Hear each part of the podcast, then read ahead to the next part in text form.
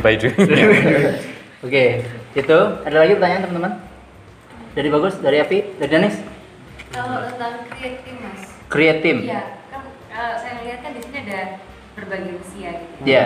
Lebih cenderung kita mengikuti pemikiran yang mungkin lebih Iya. intelektualnya atau gimana mendengarkan yang muda-muda seperti apa? Oke, Oke. create team bagaimana mendengarkan yang muda-muda Ya. karena ada gap Ya, ada umur gap ya, usia. Nah, gap usia. Makanya fungsinya ice breaking tadi Mas Angga bilang itu. kuncinya satu kalau ngomong create team ya karena itu salah satu paket eh, apa ya eh, Untuk paket kami yang kami jual utama itu memang lebih ke team building how to make uh, your team menjadi tim yang terbaik Sama-sama. gitu. makanya kan kadang di jargonnya tim itu sendiri yang together everyone Everyone achieve more, kayak gitu memberikan ini yang lebih. ya. itu kan sebenarnya jargon-jargon yang artinya begini. Kuncinya satu kalau kita mau bikin eh, kita mau bikin timnya solid kita mau bikin timnya ini mereka harus tahu apa ngapain sih mereka di sini dulu? Itu penting. Itu eh, itu fungsi dari kenapa perusahaan harus punya visi. Visi baru kita ngomongin misi. Selama kita nggak punya visi visi ini istilahku eh, istilah saya itu visi itu bisa menjadi lem atau perekat komitmen komitmen bersama. kalau kita nggak punya visi, meskipun ini hebat-hebat timnya, per- secara personal hebat-hebat semua, kita nggak akan pernah bisa bisa connect. Kenapa? Jalan sendiri-sendiri nggak bisa. Kalau mau- kuncinya satu, kalau mau bikin tim, kita harus tahu apa yang mau kita lakukan. Itu baru kita bisa ngomong nanti, oh caranya begini, oh caranya begitu, oh komunikasinya harus ditata begini, oh harus begini, harus begitu. Kayak gitu itu itu Harus nunjukin kayak sama orang kayak mau merit kan mesti ngerti apa sih kelebihanmu apa sih kekuranganmu kayak kita bareng-bareng itu bentuk tim bener ya. Iya sih. Siap, gitu. Ada lagi? Belum kepikiran Belum kepikir. Jadi fasilitator beberapa kali game. Ya, Oh iya sering ikut nih Mas Kevin. Apa? apa ya aku mau tanya ini sih pak kayak untuk ke depannya ini kalau gambaran dari bapak dan Mas Anggara sebenarnya, itu dibawa ke mana sih jangka panjangnya banget jadi biar, biar nanti kita waktu jalan breakdownnya melencengnya nggak jauh-jauh gitu. Yang ditahu sih ya. Melencengnya nggak jauh yang di yang dikhawatirkan kan melencengnya malah ya. Bukan jalan yang tepat ya tapi nggak apa-apa. Eh, ya beberapa orang memang berpikir berbeda dari beberapa orang lain. Kalau orang pada umumnya kan biar panduannya jelas. Kalau beliau Ya. biar defeksinya nggak jauh-jauh banget. Alah, asik Nah, kalau dari kami sebenarnya yang sudah sempat kita obrolkan juga dulu, kalau jangka sangat panjang bisa jadi goalsnya adalah learning center yang memang basisnya experiential learning, metodenya game based learning tadi ya, pakai game based learning lah. Nah, artinya teman-teman belajar sesuatu di sini itu memang dikondisikan satu ya fun, menyenangkan tadi karena sifat game itu kan menyenangkan pasti. Yang kedua adalah experience-nya dapat dan yang ketiga keilmuannya dapat. Jadi keilmuannya. Jadi keilmuannya dapat. Jadi kalau boleh bilang ya visi jangka panjangnya adalah bisa jadi nanti Let's Play dan Kaliwatu punya tempat seperti ini lagi tapi sifatnya adalah game based learning. Jadi orang datang itu untuk belajar sesuatu dan langsung memakai game sebagai medianya. Jadi- Ya, ide-ide baru teman-teman baru kan oh, kira-kira ini ya Mas Aryo bikin Iya. ini kan dari ngumpul ini ya tiba-tiba Iya. harus harus kayak gini sih asiknya kayak gini Iya. Kita butuh diskusi teman-teman let's play utamanya visi jangka panjangnya seperti itu. Jadi ya saat kita butuh kak tadi misalnya kita mau bangun tim, oke kalau gitu datang ke let's play atau ke lokasi itu ya main game tentang pembentukan tim atau penguatan tim seperti itu. Nah nanti disertai dengan gamification. Nah gamification itu sebenarnya yang dilakukan oleh Pak Wawan dan Mas Anggara itu adalah bentuk gamification. Jadi membawa uh, unsur-unsur game ke dalam dunia nyata. Ya ya kan pak? Jadi Ya. lebih apa ya agar pelatihannya lebih menyenangkan. Karena tetap ada scoreboard terus ada challenge yang dikasihkan. Nah tiap tiap orang punya fungsi yang berbeda-beda tapi untuk challenge eh, menyelesaikan challenge yang sama. Nah itu sebenarnya gamification.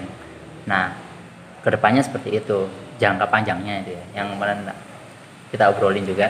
Tapi eh, patut diketahui kenapa let's play lebih ke arah pendidikan non formal karena pendidikan formal itu lebih ketat pak ya, Ya, secara kurikulum. nah itu memang akan lebih menantang kalau kita masuk ke dunia formal.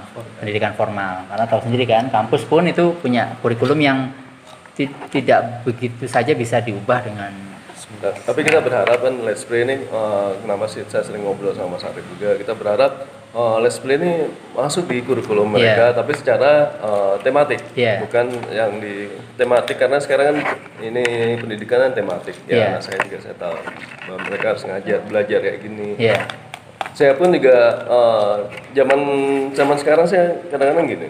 Saya ngobrol sama dengan anak saya, saya kadang-kadang susah. Gimana cara ngobrol ya? Iya. Saya akhirnya eh, belajar main di permainan mereka kayak pas di pas apa? eh, MLT ya.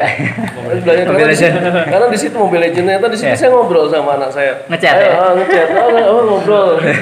Saya harus eh, downgrade dulu. Iya, Oh, iya. Gimana sih cara belajar ngobrol dengan anak-anak muda itu yang Iya, iya, iya. kita masuk di corporate enak. Ya. Jadi pada akhirnya game itu bisa menjadi salah satu sarana kita untuk me- istilahnya mendapatkan lagi interaksi antar personal.